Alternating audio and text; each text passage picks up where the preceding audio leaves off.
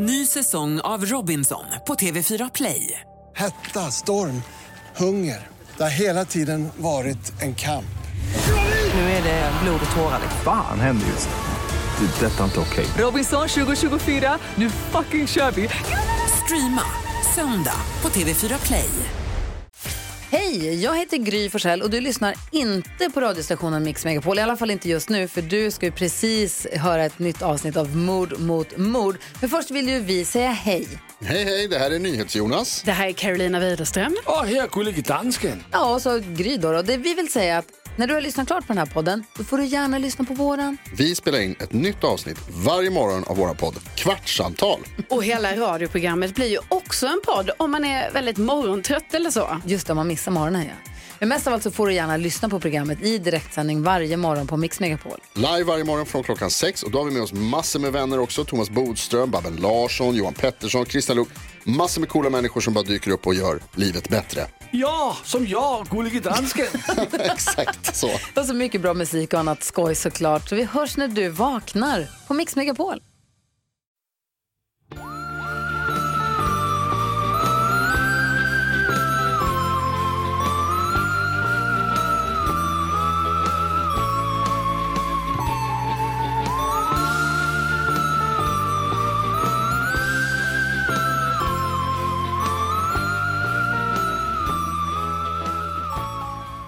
Hej och välkomna till Mord mot mord och gott nytt år till er alla.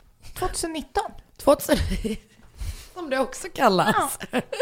Exakt. Hoppas du hade en härlig nyårsafton. Hoppas att du hade en härlig nyårsafton. Tack.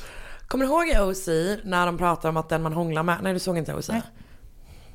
De, det som är att den man hånglar med på, nyår, på tolvslaget är den man kommer hångla med resten av året. Hoppas det. Ja. Så kul när du bara så hånglar med Molly. Eller hångla med någon av Oskars kompisar som vi firar nyår med, som alla är där med sina respektive. Då blir det dålig stämning. Men, tänk om det visar sig att Oscar och hans kompisar har någon slags swingers-tradition på nyår. Eh, nej men jag hoppas att eh, den man har hånglat med på nyårsafton kommer man hångla med hela året. Det får vi verkligen hoppas. Mm. Har du några nyårslöften? Ja, Berätta. jag ska göra mer genomtänkta köp. Just det. Du har någon sån garderobstanke. Ja. Som är typ att du ska ha så här bra, inte köpa lika mycket, men köpa Nej. det du köper är genomtänkt och bra. Mm. Smart. Jag har ju typ ett missbruk nu. Är det så? Jag köper så mycket grejer och som en person i min närhet kom på att jag köper saker också som att säga bara, det är så billigt, det gör ingenting typ att jag Ja. köper det här. Ja. Och sen så köper jag 17 sådana plagg som jag använder en gång. Ja, nej det går inte. Och så tycker jag ändå att det är asdyrt att köpa en tröja för, alltså, för 2000 spänn. Då är det bara, "Aj, helvete alltså. Nej. Nej. Men då har jag köpt tre tröjor som kostar lika mycket. Och nu har du också, du har köpt en kjol som är lite grann början, startskottet. Ja, jag tror det. Mm, jag ser verkligen fram emot att se den. Ja, du, du ska ju få vara smakprov. Vad heter det? Smakråd. det? Det var mitt smakprov. Åh, nej. Du kommer ta med mig på din eh, Oscars nyårsfest. Men, eh, mitt, ny, mitt nyårslöfte är att jag ska börja gå i terapi. Ja, vad bra. Det är väl ett bra nyårslöfte? Det är jättebra. Men det är fan dags nu. Investera lite i sig själv. Exakt, man kan inte hålla på Nej. och hålla på så mycket. Nej, Nej, så det tänker jag göra. det är väl bra. Ja, eller hur? Ja. Ehm, så var det med det. Jag tror jag ska äta mindre kött under 2019 Det är också. bra. Gud, du kommer, du, känns, du kommer ta mm, en bättre klimatansvar. Jag, jag vill typ göra det. Ja. Men jag och Marcus kom på det nu eh, för att vi eh, ska ju flyga på, eh, på jul och nyår. Så då har kommit på att vi ska klimatkompensera för det också. Bra. Mm, Hur ska ni göra det då? Nej men man kan typ Plantera träd nere i Spanien? vi kommer börja hand om ha krukväxter hemma. Ah, okej. har du några sticklingar? Eh, nej jag vill, Vill absolut inte ha. Gud, så glad. Jag försöker tvinga dig att ta emot sticklingar i Jag hundra jag år. vägrar. Jag vägrar. Fattar inte varför. Men jag vill inte ha, jag, jag har ingen relation till blommor. Nej men det finns typ en sajt där man kan typ klimatkompensera just via det. så här. Mm. Det var något så här solenergisprojekt i Indien typ. Det är bättre än att inte göra någonting i alla fall tänker jag. Mm. Ehm, det här, vi har ju två avsnitt, för, även för, förra veckan, den, även den här veckan är det lite specialavsnitt. Vi kommer svara på lite frågor, du kommer köra ett fall och sen Ja. kommer vi läsa lite lyssnarhistorier. Ja. Eh, en grej jag vill säga innan vi drar igång med frågorna är Mm. bara att nu när det här är släppt så är Johanna Rapps Aftonbladet-podd Ja, ute. så spännande. Då, grejen är att det är det, alla, alla avsnitt släpps samtidigt. Jag kan redan säga nu att jag älskar den. Jag vet. Fast jag inte har hört den. Jag vet, jag med. 21 december kommer det. Eh, Så de finns ute nu. Eh, Går man in på Aftonbladet Story på podcast, eller så här, vilken podcast-app som helst, så hittar man det där. Kul. Så det måste man fan gå in och kolla.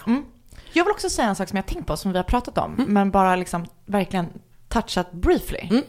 Är att eh, folk vet inte vem som är vem av oss två. Va? Men kommer inte ihåg vi sa det? Att, Jag tycker det är helt, låter helt sjukt. ja men att folk Ja, att folk skriver typ så här. skriver till oss som bara såhär, nej men det här är, måste vara till Karin. Jag vet, men jag. och, ja, jo, jo, ja men exakt. Men det måste vara att man inte hör, vet vilken röst som tillhör Exakt. vem. Och det är ju egentligen inte alls konstigt. Nej, nej, för att man har ingen koll på Men det ändå känns konstigt. Ja, ja. Så Anna är från Stockholm. Och det är jag. Nej. Men det är intressant tycker Ja. jag. Du är från Stockholm, men mitt problem är ju att min dialekt är så konstig nu. Och den blir ju konstigare när jag är med dig, för att då tar jag vissa så här Stockholmsgrejer och så blandas det med lite göteborgska. En trodde att jag det. från Linköping. Och en annan sak som jag också tänkt på är det här med panne, som du säger. Ja.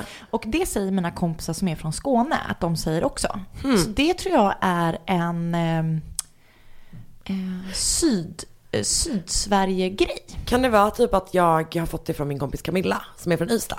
Det kanske det är. Kanske, jag har ingen aning. Nej. Du, innan vi börjar ska vi också, eh, nu är det dags. Tyckte du inte jag hade, det var två intressanta spaningar. Det var jättebra, jag tyckte om det jättemycket. Har du fler? Nej. Då kanske det är. Nu är det dags. Nu är det dags att, eh, eh, att vi äntligen, det är ju länge sedan. När är det du fyller år? 29 juli. I augusti fick jag en flaska av G... Jag fick ju ett kit. Ja, ett GV-kit. GV-kit av Karin. Och vi har haft lite turer med det här GV-vinet för att eh, Oskar använde det som jag fick i en Beff Bourguignon. Och sen dök du upp hit som en en räddare i nöden lärka. med en ny. Ja, så nu ska vi äntligen dricka GVs rödvin. Nu häller hon upp här. Det är väldigt spännande. Okej. Det Koll. är en... Det är portugisiskt, det är allt jag vet. Okej. Eh, Som, att, som att jag bryr mig om, om det, verkligen, det är lite, vilken färg lite det? Cabernet Sauvignon i alla fall.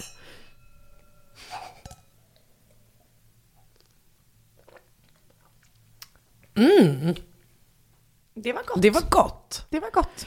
Och med de orden från professionella vinsmakare, som det heter. Sjunker ner.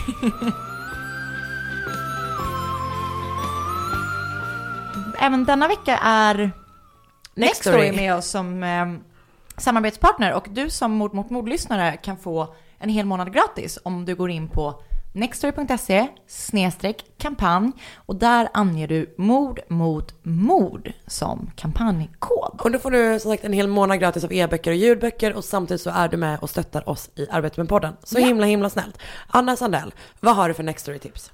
Karin Lundre, det ska jag berätta för dig. Tipsar om en deckare även den här veckan. Och den har en läskig titel som heter Flickan utan hud. Och den är skriven av Mads Peder Nordbo.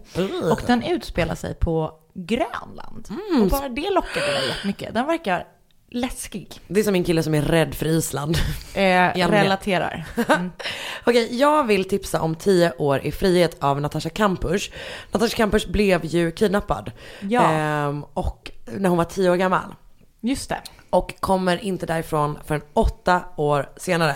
Det är helt sjukt. Det är verkligen helt sjukt. Så det är hennes självbiografi. Så, nextory.se slash kampanj. Skriv in mord mot mord som kampanjkod. Ja, Eh, så får ni en hel månad gratis. så bra. Hej!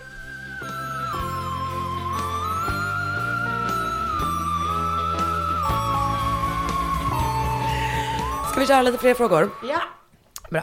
Eh, vilket svenskt fall har berört dig mest? Det finns så många. Det finns så jävla många. Jag har ju... Topp två är ju de som jag faktiskt har gjort i podden innan vi bestämde att vi inte skulle göra svenska fall. Ja. Och det är ju då Caroline Stenvall eh, som eh, mördades på väg till en arbetsintervju på en rastplats. Och styckmordet i Askersund. Och det är avsnitt ett och två som du gör dem tror det jag. är nog det. Mm. Eh, för jag... Eh, ja, de är fruktansvärda. Mm. Mitt är nog eh, Elin Krantz. Ja, jäklar. Som jag ju faktiskt gjorde i ett avsnitt som vi sen bestämde oss för att inte släppa. Ja, Eh, för att vi typ, det, de andra två spelade vi ju in innan vi hade börjat släppa liksom. Eller Ja. uppenbarligen det första. Men vi spelade in tre stycken innan vi började släppa. Och sen så släppte vi och sen så var vi så här, äh, fan typ vi skiter typ i det här. bra. Ehm, men Elin Krantz blev ju mördad när hon var på väg hem från krogen i Göteborg. Och jag tror att det är just det, eller ofta när det är de fallen som verkligen sabbar en, är Mm. ju de när man verkligen kan så här Som känns ganska nära. Exakt, man kan verkligen, verkligen tänka sig in i situationen. Eh, och just det, packad på vägen, alltså, för, förra veckan, eller i det avsnitt som vi spelade in för en sekund sedan, men sen kom förra veckan, så berättade jag ju om när jag blev rånad. Alltså det var verkligen en sån situation när jag lika gärna kunnat bli mördad. Mördad ja. Mm. Eh, så det är nog det faktiskt. Och sen en bonusfråga här. Eh, också att det är kul. Förresten, ingen fråga till podden, men vad betyder brasklappa? Man bara, jo det där är fan en fråga till för podden. Det finns en person som heter Brask. Ja, exakt. Jag tror att det kommer Eh, från Stockholms det- blodbad va? Ehm, Det togs beslut innan Stockholms blodbad, jag tror att det är så här, eh, som han i sitt sigill, när det, när liksom, det. så la han in en lapp där det stod att han typ blev tvingad att rösta för den här grejen eller vad det nu var. Kul, svajig beskrivning. Eh, så att han liksom brasklappade då så att när man sen blev svinlack på det här eh, Ja, så här står det. Det var svenska biskopen i Linköping, Hans Brask, som satt i riksdagen under 1500-talet. Eh, och då bestämde sig riksdagen för att straffa ärkebiskop Gustav Trolle och riva fästningen Stäket. Det berättades dock att Brask i hemlighet placerade en lapp under sitt sigill där han protesterade mot beslutet med formuleringen “Till denna besegling är jag nödd och tvungen”. Detta menade att Brask blev tvingad att delta i beslutet. Alltså vi använder det ju som bara när vi vill flagga, när vi vill säkra upp att så här, Men det är ju det, en försiktighetsåtgärd. Exakt, det är en försiktighetsåtgärd. Så ja, det är ett otroligt bra ord. Ja. För att det gör att man får säga vad som helst. Exakt. Och ingen kan säga att man är alldeles för dum. Vad är den roligaste slash konstigaste reaktionen ni har fått när ni berättat att ni gillar true crime? Alltså jag tror grejen är typ att så här, jag, Det känns typ inte så konstigt längre. Det är typ min mamma som vägrar fatta det. Ett, alltså, Ah. fortfarande. Men Anna, var kommer det ifrån? Nej, det kan faktiskt, nej jag, jag ångrar mig. Det kan vara min mormor som säger hela tiden, jag bryr mig inte. För det är verkligen att man blir så ägd så bara, okej. okej vad ska jag, det går inte. jag. Alltså jag, ofta är ju folk, tror, ju folk typ att man är en sån eh, Manson girl när man säger att man är intresserad. Alltså det är liksom inte, de missförstår intresset typ. Men min bästa situation var ju när jag berättade för en person att jag hade en mordpodd. Och han trodde att jag sa att jag hade en mordpodd. Alltså att man är modig.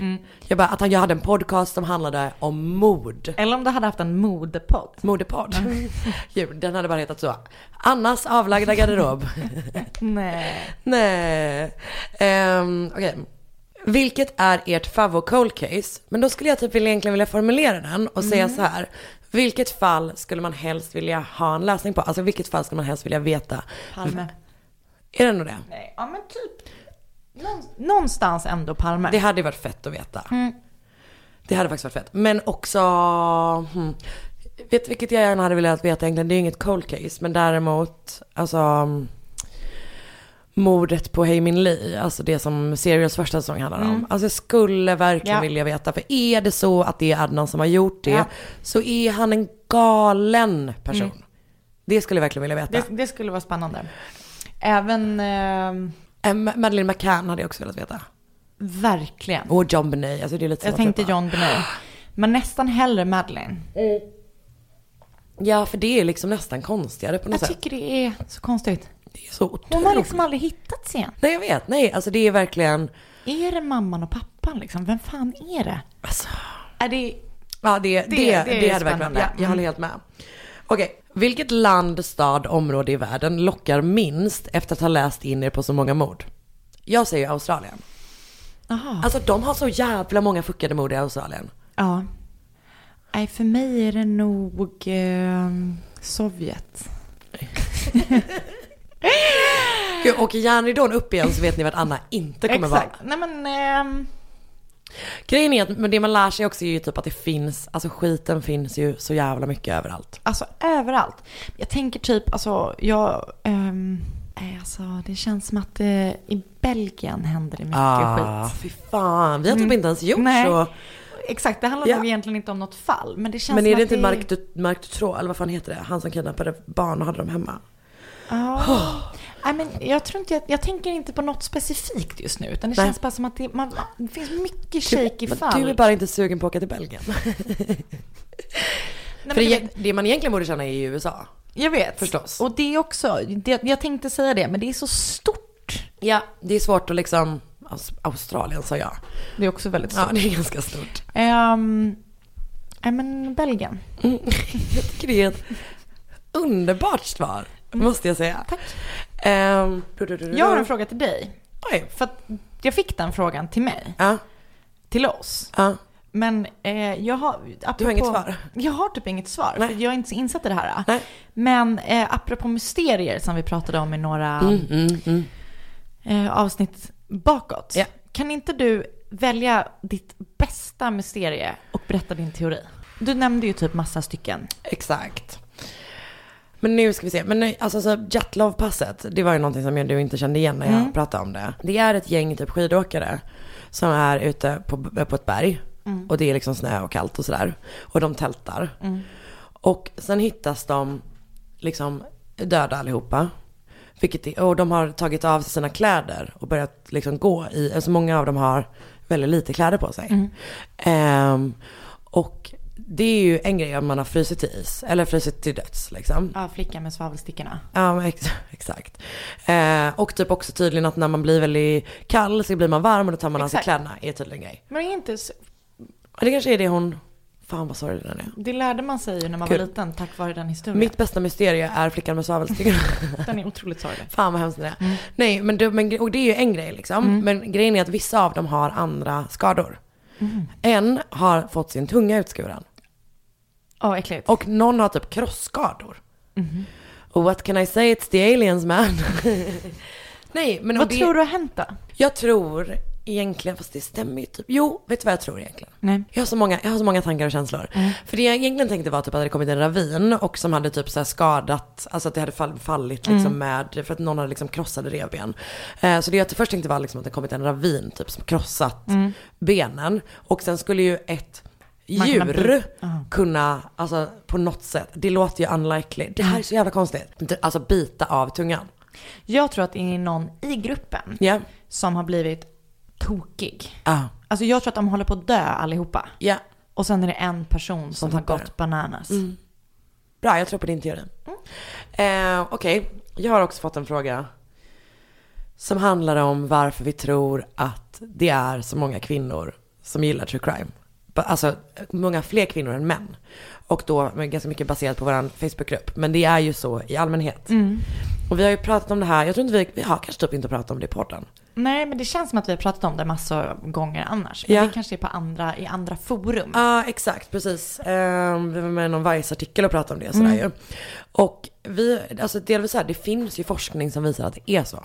Att kvinnor är mer intresserade av, vilket är också helt, hur blir man en sån forskare? Det vill jag vara. Ja. Vad är det för forskning då? Jo men att kvinnor, när män och kvinnor får välja så väljer kvinnor, går kvinnor ofta på typ den sanna, alltså Ah, ja. så liksom. Eh, och jag tror att det har att göra med några olika saker.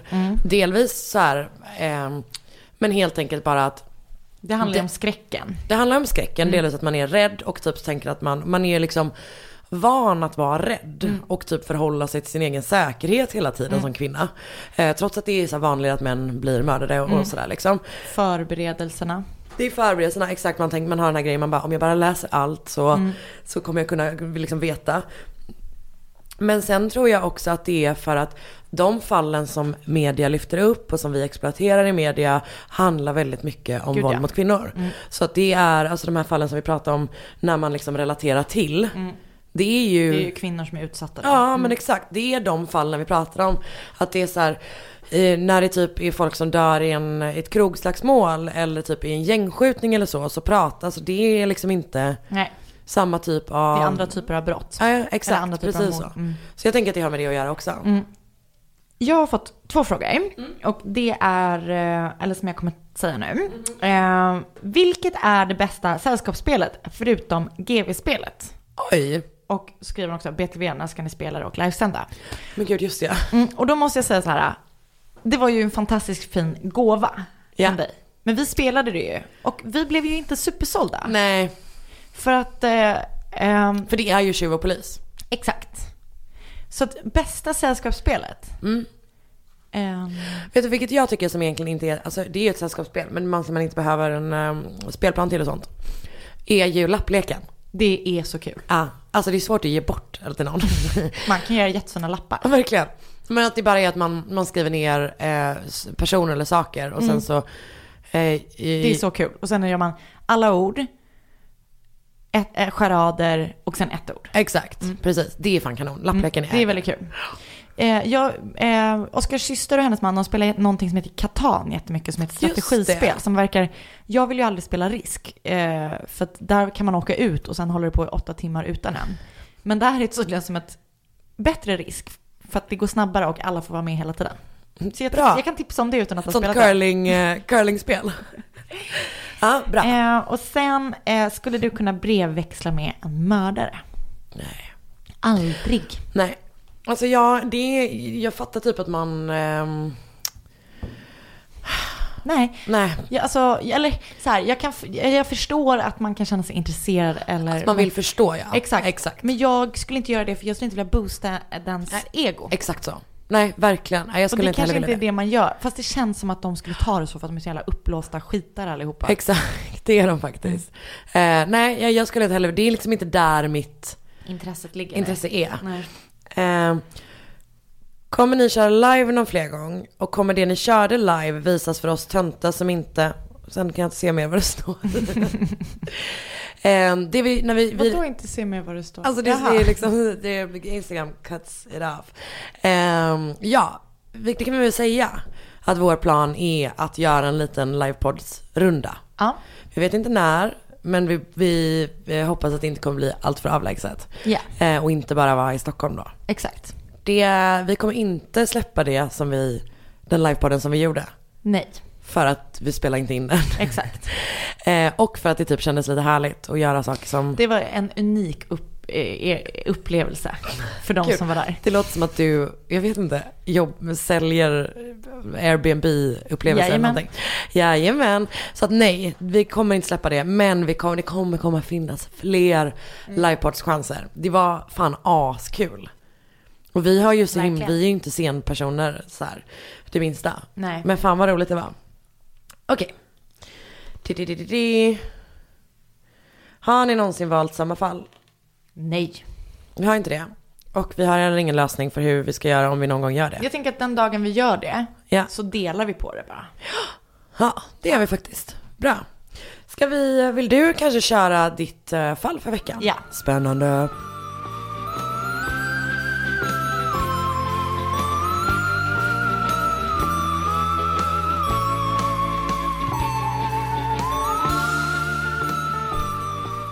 Lester Likens och hans fru Elizabeth Betty Likens arbetade på en så kallad karneval, eller som jag tänker att det är på svenska, ett rundresande tivoli. Eller vad man kan tänka sig att det kallas för. Och reste runt i USA med den här tivolit. 1947 fick de barn. De fick ett tvillingpar som döp- döptes till Diana och Danny. 1949 fick de en till dotter som döptes till Sylvia. Och 1950 blev Betty på chocken igen och fick, även denna gång, ett tvillingpar Åh jävlar. som Nej. döptes till Jenny och Benny. Det har något, det har något. Alltså. Och tyvärr fick då lilla Jenny polio Oj. som ett litet barn. Lester och Betty hade ett lite shaky äktenskap. De hade dåligt med pengar och flyttade runt liksom hela tiden, vilket jag tänker påverkar ens eh, samlevnad och äktenskap. Ehm, Du pratar sex eller? samlevnad är väl sex, så att ja, Sex och samlevnad. just det. Man lever ihop samlevnad. Ja, samliv. Sexliv. Ehm, och eftersom det var lite rörigt runt föräldrarna så eh, brukade de arrangera så att barnen fick bo hos släktingar när de var ute liksom, på turné, eller vad man säger. Så För att de var fortfarande med tivolit liksom. Mm. Så att barnens skolgång inte skulle påverkas av att de hade föräldrar på resande fot. Silvia då som var mittenbarnet eh, brukade jobba extra som barnvakt eller eh, hon hjälpte till med strykning hos grannar och sånt där för att Mm. dryga ut kassan. Mm. Eh, antagligen för att hjälpa sina föräldrar liksom. Ehm, och i juli 1965 bestämde sig föräldrarna för att gå skilda vägar. Och eh, Sylvia och hennes lilla syster bodde kvar med mamman Betty. Åh, jag vet vad det här är för fall Anna och det är ett av de värsta. Åh gud, ja. Ehm, och det är oklart om de andra syskonen bodde med sin pappa eller om de bodde med liksom mor eller farföräldrar och sådär. Och den äldsta var ju, eller de äldsta var ju 18 så de kanske hade flyttat. Och efter skilsmässan så fick eh, Betty det liksom ännu svårare med ekonomin. Eh, så eh, ja, i och med att hon hade de här ekonomiska svårigheterna så bestämde hon sig för att snatta. Och någon gång under liksom, någon snatterirunda eh, så åkte hon fast och blev gripen och eh, blev även satt i fängelse. Men när hon kom ut, jag vet inte hur länge hon satt, men det var nog inte så länge för det var väl bara något här minor offense Mm. eller liksom så. Så bestämde de sig för att försöka reparera sitt äktenskap och båda fick chans att resa med tivolit igen. Oj. Och ehm, eftersom Diana som var den äldsta systern hade gift sig och flyttat hemifrån och sönerna bodde med sina farföräldrar så behövde de bara hitta någonstans att bo för Sylvia och för Jenny medan de reste iväg. Eh, och en kompis till ehm, familjen presenterade Lester och Betty för Gertrude Ban- Banisewski. Ingen snäll person har någonsin hetat Gertrude Banisewski. Banisewski. Eh, och Gertrude var en kvinna som bodde i ett stort hus med sina sju barn i åldrarna 17 år till bara några månader gamla. Oj. Så det var ganska brett spann. Eh, och eh, Betty och Lester kom överens med Gertrude om att Sylvia och Jenny skulle få bo där mot att föräldrarna betalade 20 dollar i veckan. För Gertrude hade det också knapert rent ekonomiskt. Eh, så hon tyckte liksom att det var en bra deal. Att hon fick pengar och föräldrarna tyckte att det var bra att någon tog hand om dem. Så det var liksom win-win for everyone. Ja. Så vem var då Gertrude Banisewski? Hon föddes 1929 i Indianapolis. Hon var den tredje av sex syskon och när hon var tio år gammal så bevittnade hon sin pappa dö i en hjärtattack. Oj. Ganska hemskt. Ah. Eh, Hon hoppade av skolan när hon var 16 år gammal och när hon var 18 år så gifte hon sig med John Banisewski. Och tillsammans fick de sex barn och levde ihop i tio år innan de skilde sig. Gud, sex barn på tio år. Så jävla tajt. Mm. Eh, Gertrude flyttade då ihop med den 22 år gamla Dennis Wright. Som hon fick ett barn med. Men han slog och behandlade henne illa. Så till slut, eh, innan han till slut lämnade henne precis när deras son föddes. Så hon är ensam och typ har haft det ganska så tufft och har sju barn och bor liksom. Ja, det är ingen ideal Hon situation. har inte alls soft. Nej. Men så Jenny och Sylvia flyttar in hos Gertrude. Och eh, allting liksom gick bra. De var ute i parken och lekte med de andra barnen och de lyssnade på skivor och var liksom som vilka andra barn som helst. Eh, och Sylvia hjälpte Gertrude hemma, precis som hon hade gjort liksom innan och med att diska och städa och sådär. Eh, men andra veckan in i att de har bott där så kommer det ingen check från föräldrarna på den dagen som de har bestämt sig. Eller bestämt att den ska komma. Så Gertrude blir då sur eh, och så bestämmer sig för att så här, nej men nu ska jag straffa flickorna. Så hon tar med sig dem upp till deras rum där hon slår dem i ansiktet och säger Well, I took care of you two bitches for a week for nothing. Men också mamma, det är en fucking vecka. Alltså verkligen. Och nästa dag kom checken. Så den var liksom en dag sen. Eh, och Gertrude eh, hade liksom, hon var ju deprimerad för hon har haft det tufft och hon hade också så här, olika krämpor i kroppen och liksom, Ja. hon hade ont och sådär. Ja. Folk hade krämpor förr i tiden. Alltså verkligen. Så hon var liksom i grund och botten typ en ganska så här, ilsken person. Och det här tog ju då hon ut på, På de de, här- här två stackars systrarna. Om de eh, eh, liksom gjorde någonting som hon inte tyckte om och det kunde typ vara så här att hon anklagade dem för att ha ätit upp godis som fanns hemma. Eller någon gång så anklagade hon Sylvia för att ha tagit åt sig panten på typ några flaskor eller sådär. Eh, så straffade hon dem. Och då tog hon fram antingen en träpaddel eller ett tjockt läderbälte som hennes exman hade lämnat hemma. Och så slog hon dem med det på deras bara liksom, skinkor. Och de dagarna som hon bestämde sig för att de skulle straffas, men hon själv inte orkade, så lät hon Paula, hennes 17-åriga dotter, göra det åt henne. Vad i hela... Ny säsong av Robinson på TV4 Play. Hetta, storm, hunger. Det har hela tiden varit en kamp. Nu är det blod och tårar. Fan händer just nu. Det. är Detta är inte okej. Robinson 2024, nu fucking kör vi! Streama söndag på TV4 Play. Ett poddtips från Podplay. I podden Något Kaiko garanterar östgötarna Brutti och jag, Davva, dig en stor dos skratt. Där följer jag pladask för köttätandet igen. Man är lite som en jävla vampyr. Man har fått lite blodsmak och då måste man ha mer. Udda spaningar, fängslande anekdoter och en och annan arg rant. Jag måste ha mitt kaffe på morgonen för annars är jag ingen trevlig människa. Då är du ingen trevlig människa, punkt. Något Kaiko, hör du på Podplay. Därför är gardinerna. Ja, ehm, men efter ett tag så bestämde hon sig för att lägga sin energi på Sylvia främst, som var ju den äldre av syskonen. Vet man varför hon gjorde det? Alltså varför hon valde henne? Jag vet inte om det beror på att Jenny redan var sjuk, eller liksom Ja, så, att hon ja. var yngre och var, Ja. hade polio och sådär.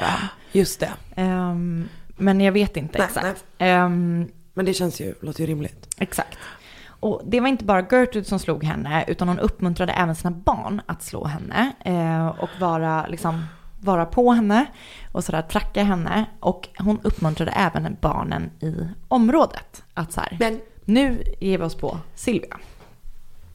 men vad... Så så fort hon gjorde någonting så var det så här, Nu kommer hela gran- grannskapets barn. Liksom. Ja.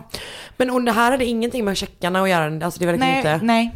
Det var alltså, det inte som var att det skulle vara okej ändå Nej, nej, förstås, men jag fattar. Nej, men det var det som var triggern tror jag. Och sen så insåg hon bara så här, det är nice att spöa på folk. Ja, typ. Och någonstans läser jag att barnen som bodde där som tränade judo fick eh, träna judo på Sylvia. Alltså som slagpåse verkligen. Eh, så de gjorde så vidriga grejer. De så brukade så här, ta henne, vet, bara kasta henne mot en vägg. Eh, testa så att ta olika struptag. Eh, och de slog henne medvetslös med typ så här kvast... Eh, handtag och du vet, verkligen var, slog henne. Alla liksom bara, det var Alla som var att, konstant misshandel. konstant misshandel. Gertrude började också släcka sina cigaretter på Sylvias kropp. Och eh, det dröjde inte så länge innan andra var så här, ja men hon gör det, så kan jag också göra det. Varpå Gertrude var så här, ja men Kör. go ahead liksom. Uppmuntrade till att fortsätta det här vidriga, vidriga mot den här stackars unga. Ja, det är... Men du vet ju också typ den grejen som är, ofta är så läskigt. Och jag tänker typ kanske som man känner så här när man läser om par som gör saker tillsammans. Mm. Att det är så här hur svag människan är. Att det är så här, ah, Man nej, gör men- som någon annan typ. Ja exakt, att det är så här, för jag menar det är inte som att alla de här barnen eller du vet alla var galningar. Nej, utan nej. det är så här, det öppnas en dörr och de bara okej. Men jag tänker också att det är det som du vet det där experimentet när det är så här, när, när någon det. ger en order eller när någon säger typ så här gör det här. Ja. Så typ gör man det. Och jag tänker också typ det finns ju den, eh, det finns en bok om, förlåt, sidospår. Eh, det finns en bok som heter, vad heter den, Escape from Camp 13, 17, Mm. 14, någonting sånt. Som handlar om en person som är, ehm, men är född och uppvuxen i ett nordkoreanskt fångläger och typ har Mm. lyckats fly. Och där är ju typ, hela det samhället är ju helt annat än vad vi, Ja. alltså det är att han liksom så här, han ger sina, sin mamma och typ vilket gör att hon blir avrättad. Alltså du vet att det är liksom helt, Helt annan, ja. Ja, men jag tycker bara att det är något så jävla läskigt med att människan är formbar på det sättet. Mm. För att allting som vi tycker är mänskligt, det vill säga typ så här empati och med, Mm. alltså du vet alla sådana saker. Och typ värme för andra människor är borta. Och det är uppenbarligen bara försvunnit i det här fallet för att någon har varit så här, men du får slå henne. Mm. Men jag tänker typ att det är så här, finns i alla, alltså det beteendet är Mm. ju liksom, jag tänker typ när man var yngre och man hade någon så stark kompis. Det är verkligen sant. Alltså, så Så är som du typ, har det med mig nu. Men jag tänker att det är supermänskligt Ja. att så här, vilja vara någon annan till lags eller typ så här, Ja. göra som man ser. Det Man är måste- typ det mest mänskliga men det Ja. är vidrigt att, man kan, att det kan tas till en sån omänsklig... ja, det är verkligen sant. Jag fortsätter. Ja, förlåt. Skojar. Allt är förstört. Allt är förstört nu. Eh, dottern Paula då, som eh, eh, Gertrude använde liksom, när hon själv inte orkade, var liksom, hon, gill, hon följde verkligen sin mammas fotspår. Ah. Och hon var på Sylvia hela tiden och slog henne. Och du vet, alltså, alltså psykiskt och var så här på, på, på. Och en gång så slog eh, Paula henne så hårt så att hon bröt benen i sin egen hand. Hur det nu typ ens är möjligt. Men är det knogarna då? Vet inte. Hon får i alla fall ett gips runt handen. Som hon använder för att slå? Som hon sen använder för att fortsätta slå henne. Ja, men till att börja med, det är typ inte en svinbra sätt att läka sin hand. Alltså det är typ det sämsta. Jag Det hade en kompis en gång. är ett av de sämsta. Som eh, hade gips just på armen och en dag när jag kom till skolan så stod hon så här för att banka av det på sitt skåp. För hon var så trött på att ha gips. Sen fick hon ha det i ett halvår till. Mm. Sedlaren historia. Mm. Och denna kompisen hette Anna Sandell. Nej jag sa ju, jag har Jag inte vet. brutit några ben. Jag vet, just det. Kul. Du planterade verkligen det tidigt. Och inte nog med den här fysiska misshandeln utan hon blev ju också psykiskt misshandlad från höger och vänster. Såklart. Gertrude kallade Sylvia upprepade gånger. ja, Ja, ofta. flera gånger. Flera gånger. För det här är inte alls kul hon kallade henne för. Hon kallade henne för hora. Ja, såklart.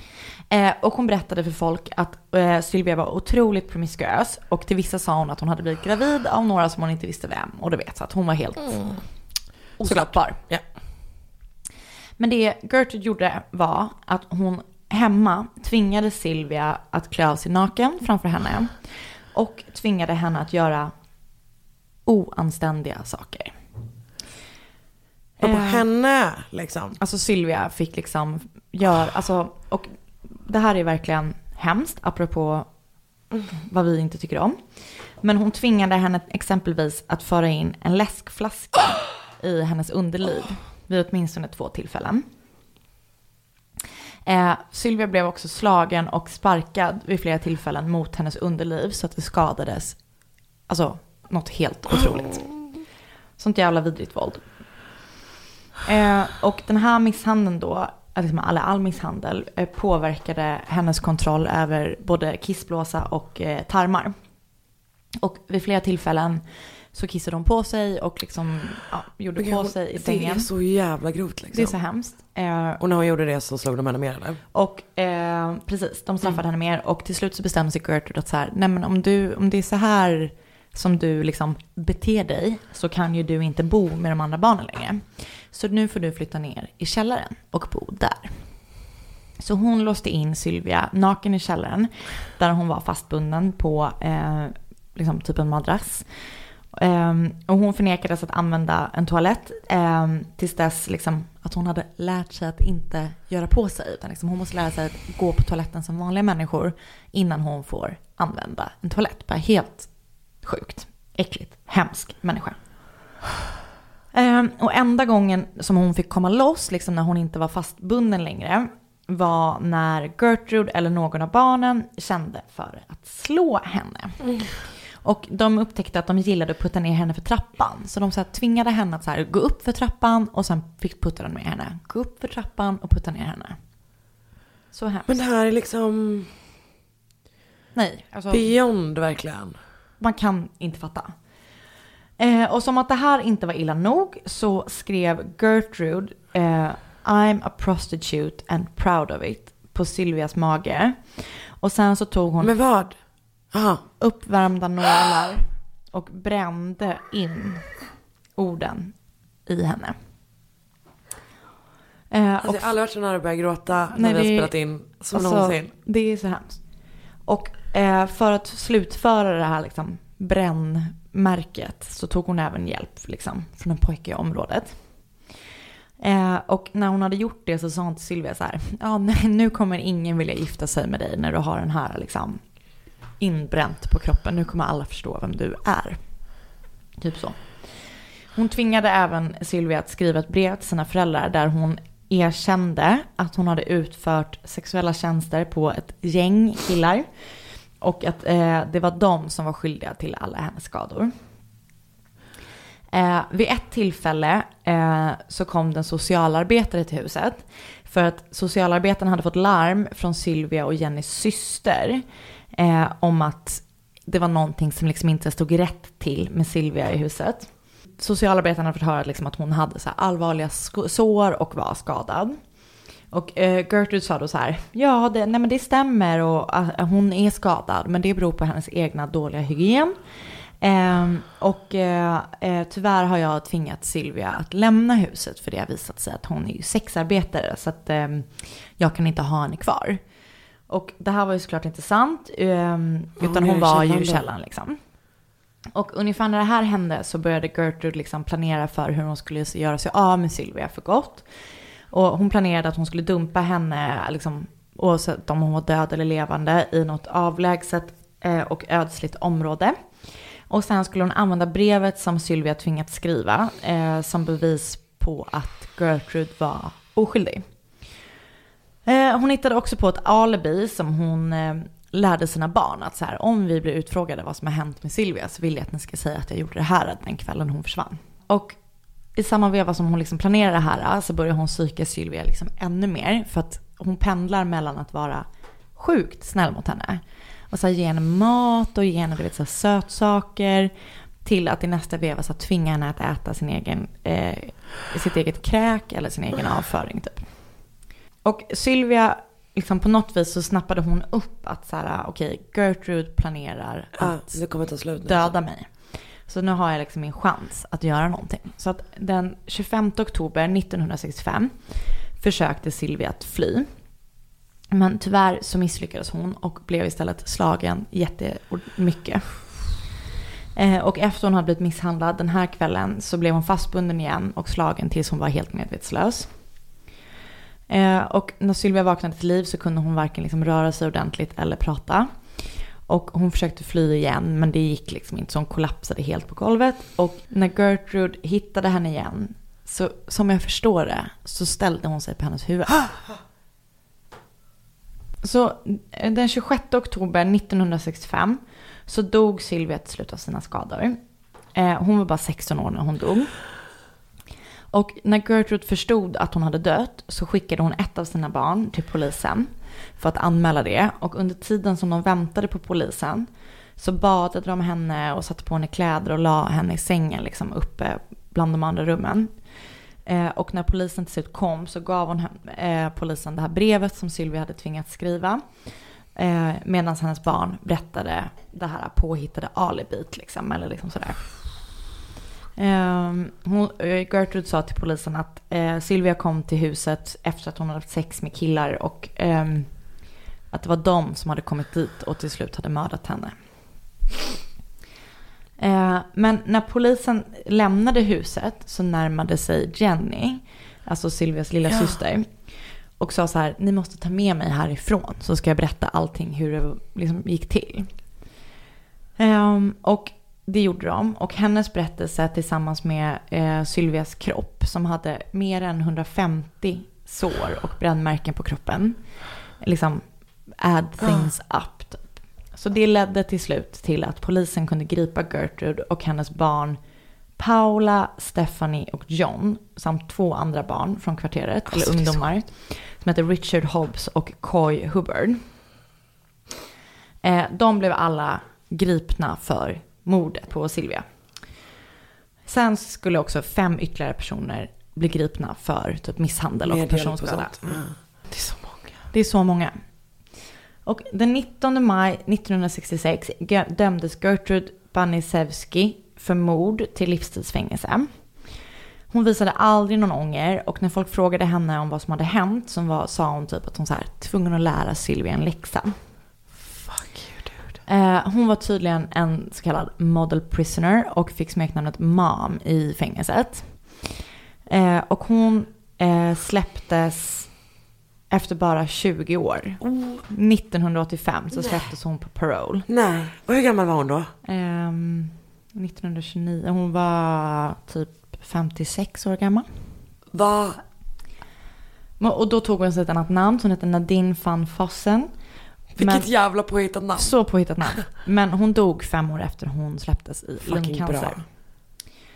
Eh, och de andra som greps dömdes typ till, alltså de satt ingen tid alls i fängelse typ. Men hur är det möjligt? men det är så sjukt. Det är tortyrmord liksom Ja. som har pågått as lång tid. Men jag antar att de fick korta, alltså hon fick ju ett galet kort straff. Men jag antar att de andra fick så, så korta straff för att liksom hon var... Och de var till barn. Och... Exakt. Och många jämför ju den här med typ Flugornas herre. Bara att skillnaden är att så här, det var inte bara barn nu utan det var Nej. så här en vuxen som var Ledaren. ledaren. Ehm, den är, det finns ingenting eh, upplyftande med den här. Den är ehm, vidrig. Alltså fäller en tår. Men Ja, det är är- liksom... Nej, alltså när jag Men jag läste det här. hennes av- där föräldrar, alltså. Nej, och de... Också bara den grejen att man så lämnar ifrån sitt barn och bara... Alltså verkligen. Men, och jag tänker att det var annorlunda tider då typ. Alltså det måste ju ha varit någonting sånt. Ja, nej, men jag menar bara att man lämnar ifrån sig typ det, det liksom käraste man har. Att Exakt. man lämnar ifrån sig sitt barn. Men, och det, det har de ju fått lite så kritik för. För att Jo, de inte nej. kollade upp, nej Jo, inte det, men- att de inte kollade upp hur de hade det hemma. Ja, ja. Nej men och grejen är typ att så här, jag fattar typ att man behöver lämna ifrån sig barn ibland och sådär. men då liksom. kanske man vill se till att de har det bra. Exakt, för att det är så här, hade man kommit och hälsat på, hur lång tid var det? Men alltså inte så länge tror jag. Eh, De, det här, hon dog ju 1965. Ja, så det var liksom några månader. Ett år eller inte Ja, ens det, ja. några månader gissar jag att det är. Nej, det är så Det är vidrigt. Och tänk att vara hennes syster. Mm. Och vara där och bara inte, alltså. Inte kunna göra någonting typ. Och man tror ju att hon, alltså hon, jag tror liksom att hon var ju så rädd att det skulle bli värre. Såklart. För Sylvia, Ja. alltså inte ens för sin egen skull. Utan jag bara så här, ja. Ja jävlar. Ja. Sylvia Likens, eller hur? Mm. Åh gud. Okej. Okej. Tack snälla. Tack, Det där var så jävla hemskt. Tack. Det var verkligen, verkligen hemskt. Det var hemskt. Okej, nu måste vi läsa lite Ja. lyssnarhistorier för Ja. att muntra upp och sådär på att säga.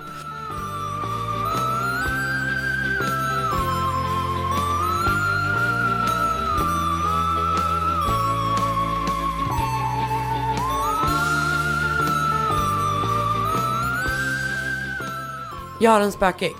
Ska jag börja med den? Okej. Jag har en super creepy true story. Alltså det är inte jag som säger det, jag läser från mejlet. Jag ja. Nej. När jag var 8-9 år, eh, min bror var 2,5-3, så bodde vi i en lägenhet i Skarpnäck. Min lillebror skaffade sig en polare som hette Pojken. Pojken var då givetvis någon bara han kunde se. Vi tyckte till en början att det var extremt roligt att han hade en låtsaskompis. Så en morgon när vi satt vid frukostbordet så ställde, så ställde vi frågor om den här pojken, vem han är, hur han ser ut och så vidare.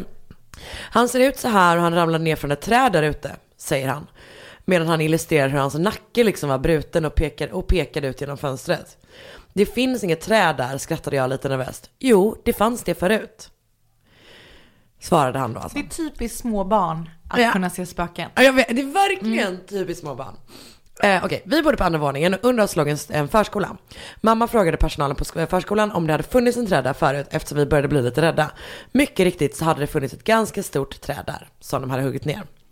Min lillebror var ett sånt barn som ramlade och slog sig väldigt mycket. Klassiskt pojkar i treårsåldern. Klassiskt barn. så mamma hade inget soffbord eller möbler där han kunde slå sig. Gud, stark mamma, bra. Men en dag hör hon hur han gallskriker och springer fort in i vardagsrummet för att se vad som hänt. Han står alltså på golvet och blöder hur mycket näsblod som helst och skriker. Mamma frågar honom vad som har hänt, varpå han svarar Pojken slog mig. Nej! Pojken ville att jag skulle följa med honom men jag ville inte det.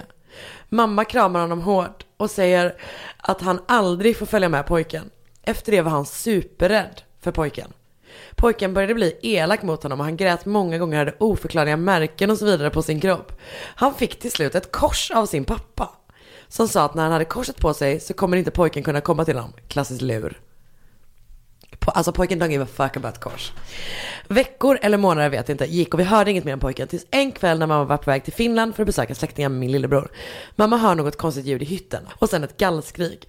I sin panik så hittar mamma inte lampan och hon skriker och frågar vad som hänt. Pojken är här! Skriker min, min bror skräckslagen. Ta tag i ditt kors, skriker mamma. Han letar frenetiskt efter korset men det har ramlat av. Han fick senare ett nytt kors, vi flyttade och efter det sen kom pojken inte tillbaka. Det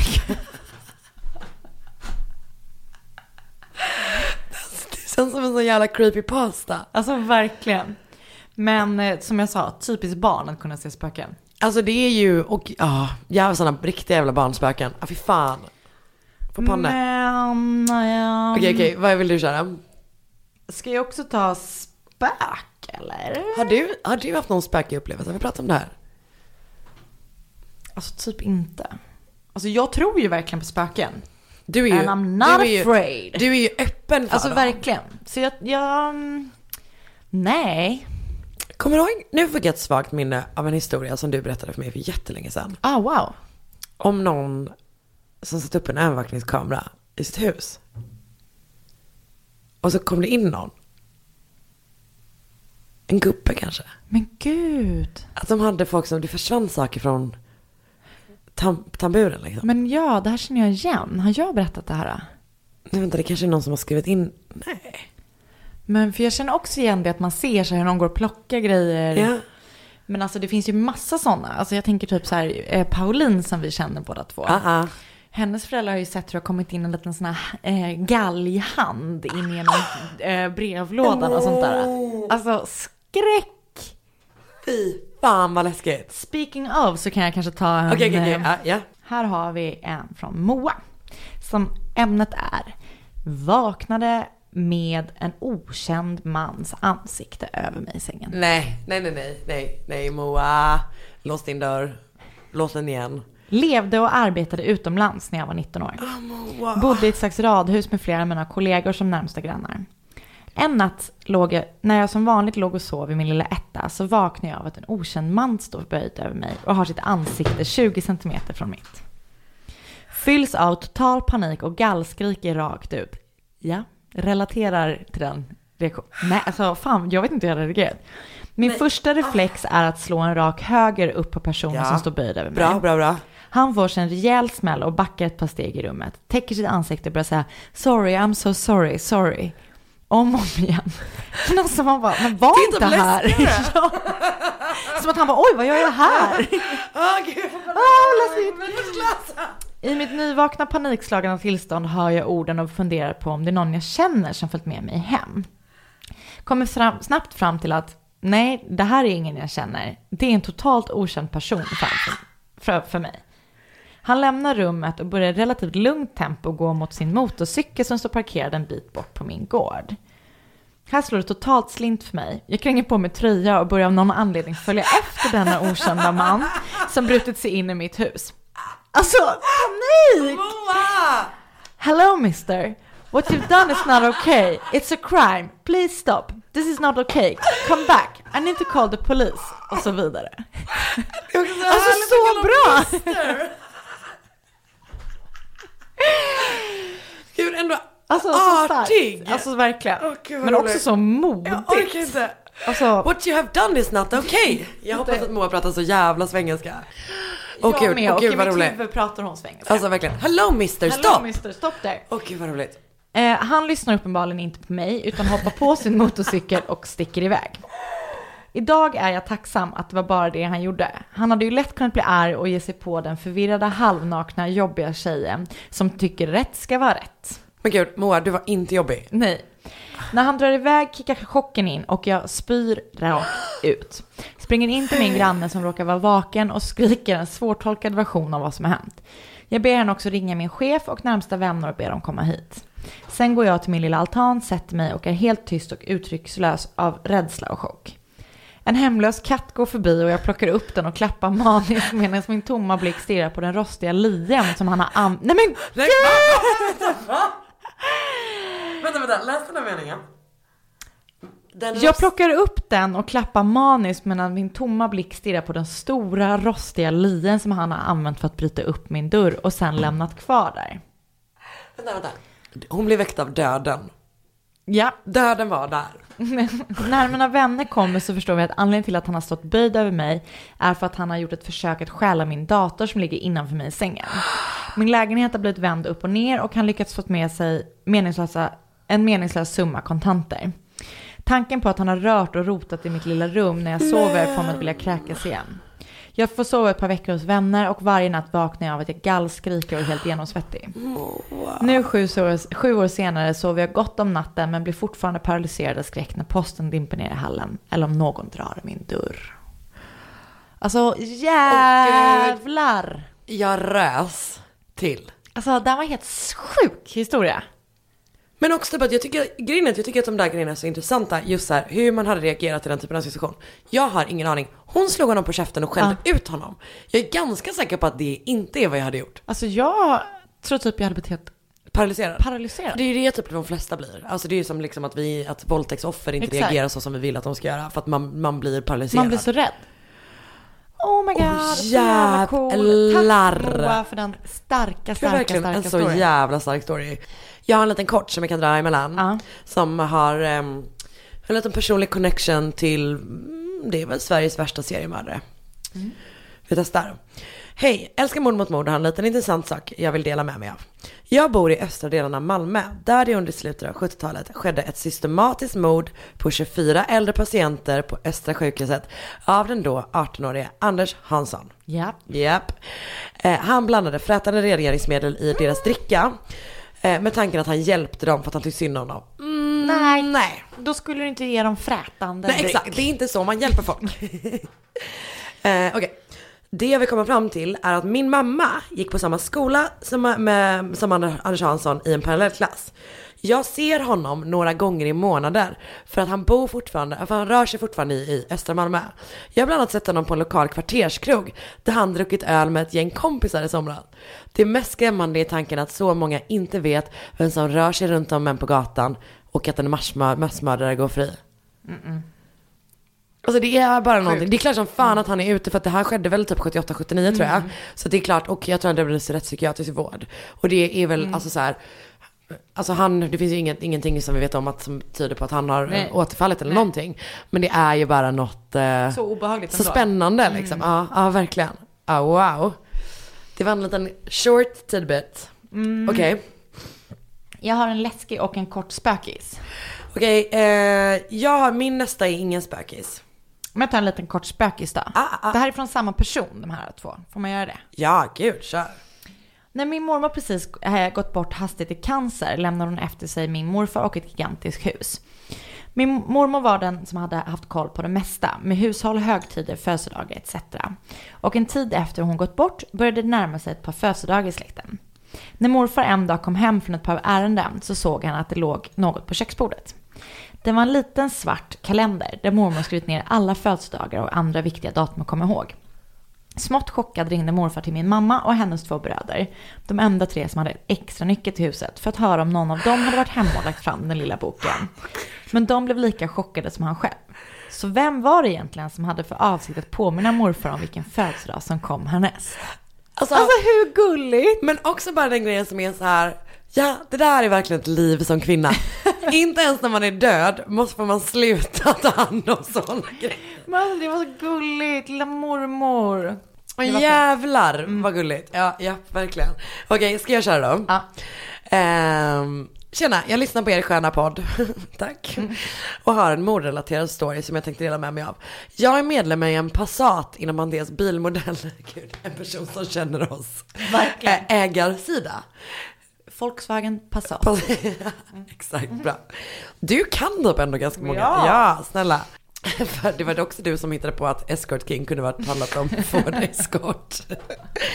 Okej, eh, den här personen är med i en eh, Passat-ägarsida på Facebook. En dag var det en tråd där alla skrev vart de bor någonstans. Nej, gör inte det. En kille skrev att han kom från Seattle i USA. Perfekt tänkte jag. Jag och några polare skulle nämligen åka på roadtrip i USA två månader senare med start i Seattle. Så jag skrev till honom och frågade om han hade några rekommendationer om klubbar och sevärdheter. Omedelbart lade eh, han, både han och oväntat också hans flickvän till mig på Facebook. Gud, gränslösa personer. Cool. Yeah, she owns a Passat. Nästa, nästa mening är, coolt tänkte jag, att typ ha en kompis i USA. Man bara, ja, TBH. Han var cirka 45 och jobbade som tatuerare, hade en egen studio.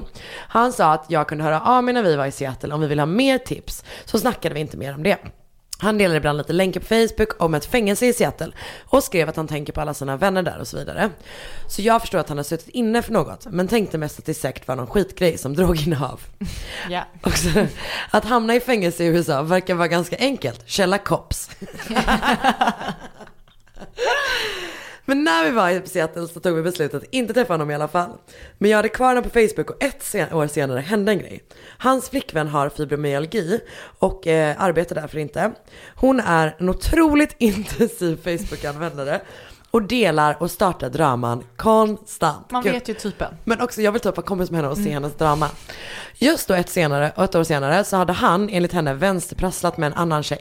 En skitstorm utan dess like bröt loss på deras Facebook-sidor där de smutskastade varandra om allt möjligt. En av hennes vänner postade då en länk på hennes sida och skrev något i stil med You knew all along he was a psycho, some people never change. Låter verkligen som att jag inte har något liv som följde detta drama. Men som nyfiken som jag var så tryckte jag på länken och det var en till en tidningsartikel från 1994. I artikeln stod det ett namn så jag förstod att det var han. Hans dåvarande flickvän hade försvunnit och hennes kropp hittades av polisen i hennes lägenhet nedstoppad i en väska. Nej. I lägenheten skulle också ha funnits en man som han dödat men man hittade aldrig hans kropp. Jag tänkte att det fanns en orm, jag vet inte varför. Fortsätt. Eh, nej, och sen så bara, blev riktigt förvånad. och grejen är att jag kollade upp det här. Han dömdes alltså till 24 års fängelse för att ha mördat sin flickvän och lagt henne i en väska och stoppat in i garderoben. Fy fan vad läskigt. Hur sjukt? Men vad hade deras brå? Det var vänsterprassel. Ja, så då kom det, ja exakt, det var vänsterpassat så då kom det fram Mm, mm. liksom så. Fan vad obehagligt. Bra att de inte träffades. Verkligen. Seattle känns också, det är ju för att jag har sett The Killing. Det är väl i Seattle? Mm, kanske. Vi har ingen aning. Tror inte det. Känns också som det är en tråkig stad. Det var Ja. att jag skulle säga konstigt börja sin roadtrip där. Okej, okej har du en till? Ja, jag har en Gud, till. det här är så härligt. Jag bytte. Jag kommer inte Seattle. Det regnar där hela tiden. Okej, det är Seattle som The Killing är. Ja. Mm, okej, bra. Eh, jag bytte. Jag, Okej, okej. jag tänkte det känns tråkigt att ta två från samma story. Så jag bytte. Men också, vilken gullig mormor och farmor. Väldigt gullig, väldigt gullig mormor. Och det var, mormor-storyn var från, eh, Jag inser nu att jag inte sagt några namn, så tack till alla er från som har- Ida. Från Ida. Tack till alla er som har skickat, även de som jag läste och förlåt för att jag inte gav er förnamns-cred. Mm. Och nu kommer en eh, berättelse från Katrin eller Katrin. Bra. Jag, ska, jag, jag tänker att hon heter Katrin utifrån hennes stavning. Du får rätta mig Stavat som. Katrin da Costa. Med TH. C. Mm, Catherine. Katrin. Ja. Katrin. Nu har vi tre olika varianter. Ehm. Jag föreslår att du väljer olika rakt igenom hela historien. Ja. Kör. När jag bodde ihop med min dåvarande pojkvän i en ort i Värmland så hade vi en granne som var väldigt speciell. Vi kunde höra honom sent på natten prata med sig själv och skrika saker som Har du gjort det du skulle än? Och sen svara sig själv genom att säga Nej det har jag inte, håll käften nu bara. Och en dag så var det ett jäkla liv i hans lägenhet och det lät som att han slog, slogs mot någon eller mot några. Vi hörde bara en massa smällar och skrik så till slut ringde vi polisen. De kom och knackade på hos grannen och han hade tydligen bara bråkat med sin rumskamrat som nu gått ut. Problemet var bara att han hade ingen rumskamrat. Han bodde i en etta. Men men, det är lugnt resten av dagen, men sen kommer kvällen. Och då börjar det återigen skrikas ifrån hans lägenhet. Efter cirka 20 minuters skrikande och smällande så bankar det på våran dörr. Och då menar jag, det verkligen bankar. Jag går fram till dörren med min då två månader gamla bebis i famnen. nej. Det är okej. Och kollar ut genom titthålet. Då, så, då ser jag vår granne stå naken i trappuppgången med något som ser ut som raklödder i hela ansiktet. Alltså panik. Han bankar igen och skriker att vi ska släppa in honom för att hans rumskompis har kastat ut honom. Självklart öppnar vi inte utan ringer polisen igen. Det tar ett tag innan polisen kommer. Och under tiden som det tar för polisen att komma, cirka 10 minuter, så hinner han gå in i sin lägenhet. Och vad han gör sen vet jag inte riktigt då vi satt i soffan och försökte blockera ut allt skrik och bankarna på dörren. Men när polisen kommer så hör vi hur de knackar på hos oss och låter väldigt oroliga. Vi hör hur de knackar som sagt och ropar samtidigt att det är polisen. Och direkt rop, ropar de och frågar om alla mår bra och om någon är skadad. Alltså, Till deras lägenhet? Ja. Jag ber min dåvarande sambo ta, in min, ta min son och jag går till dörren och öppnar för, öppnar för polisen. Och när jag öppnar polisen så får jag en mindre trevlig överraskning. I trappuppgången och hela vägen eh, från vår grannes dörr fram till våran är det blod. Våran granne står fängslad i sin hall, naken och blodig. Och det värsta av allt är att instucken i våran dörr sitter en kniv. Medan jag står där helt förlamad och försöker få tanken att eh, fungera så frågar polismannen om han kan komma in. Jag säger absolut och vi går in i vår lägenhet. Han frågade om vi mådde bra och om någon var skadad. Vi sa att vi mådde bra allihopa och att ingen, av, ingen var skadad. Han frågade vad som hänt under kvällen och vad vår relation med mannen var. Vi förklarade vad som hade hänt och vad vi hade hört. Och vi sa också att vi inte hade någon som helst relation till honom överhuvudtaget. Han var vid tillfället ganska nyinflyttad och hade kanske bott granne med oss i cirka tre veckor. Vi visste ingenting alls. Det visade sig sedan att mannen vi bodde granne med tidigare haft problem med depressioner och hört röster. Denna specifika kväll hade han hört röster och försökt självmedicinera med olika substanser. Nej. Jättehemskt. Stackars honom. Ja, det var ju uppenbart en otroligt sjuk människa. Det var verkligen det och jag hoppas vad verkligen att han skräm- fick hjälp och Ja. samtidigt så måste det, det är ju Alltså- fruktansvärt läskigt. Otroligt, tänk mig lite. Nej, Två nej, nej, månader. Nej, nej, usch vad hemskt. Det är också något väldigt obehagligt med att vara helt naken med rakladdar i face. Jätteläskigt. Ja jävlar. Så obehagligt. Åh gud vilken ride. Men kan vi inte säga, kan vi ändå inte säga att kan inte folk skicka, fortsätta skicka stories Det här är så kul. Det här var så jävla roligt. Så kan vi dra några sådana när det Ja, kommer ja, in ja. bra typ. Ja. För att det här var fan något roligt. Till mordmotmord.gmail.com Ja. Fortsätt. Alltså wow, okej det här var verkligen mm, så starkt. Ehm, tack snälla för att ni har lyssnat. Huh. Tack! Eh, tack snälla för att ni lyssnar. Eh, Häng med oss 2019 också. Häng med oss 2019. Vi är så glada för att ni har varit med oss det här året. Det har varit askul och det kommer bli ännu roligare 2019. Gå med i Facebookgruppen Mord mot mord podcast. Följ oss på Instagram, att Sandel Anna, att Karin André. Där bokar ni, nej inte bokar, önskar ni också. Ni kan boka oss som DJs. Ni kan boka oss som DJs eh, och även som sådana bakgrundsdansare. Ja. Eh, det kommer inte vara bra men det kommer bli skoj. Eh, gott nytt år! Vi hörs nästa vecka. Ja, det gör vi.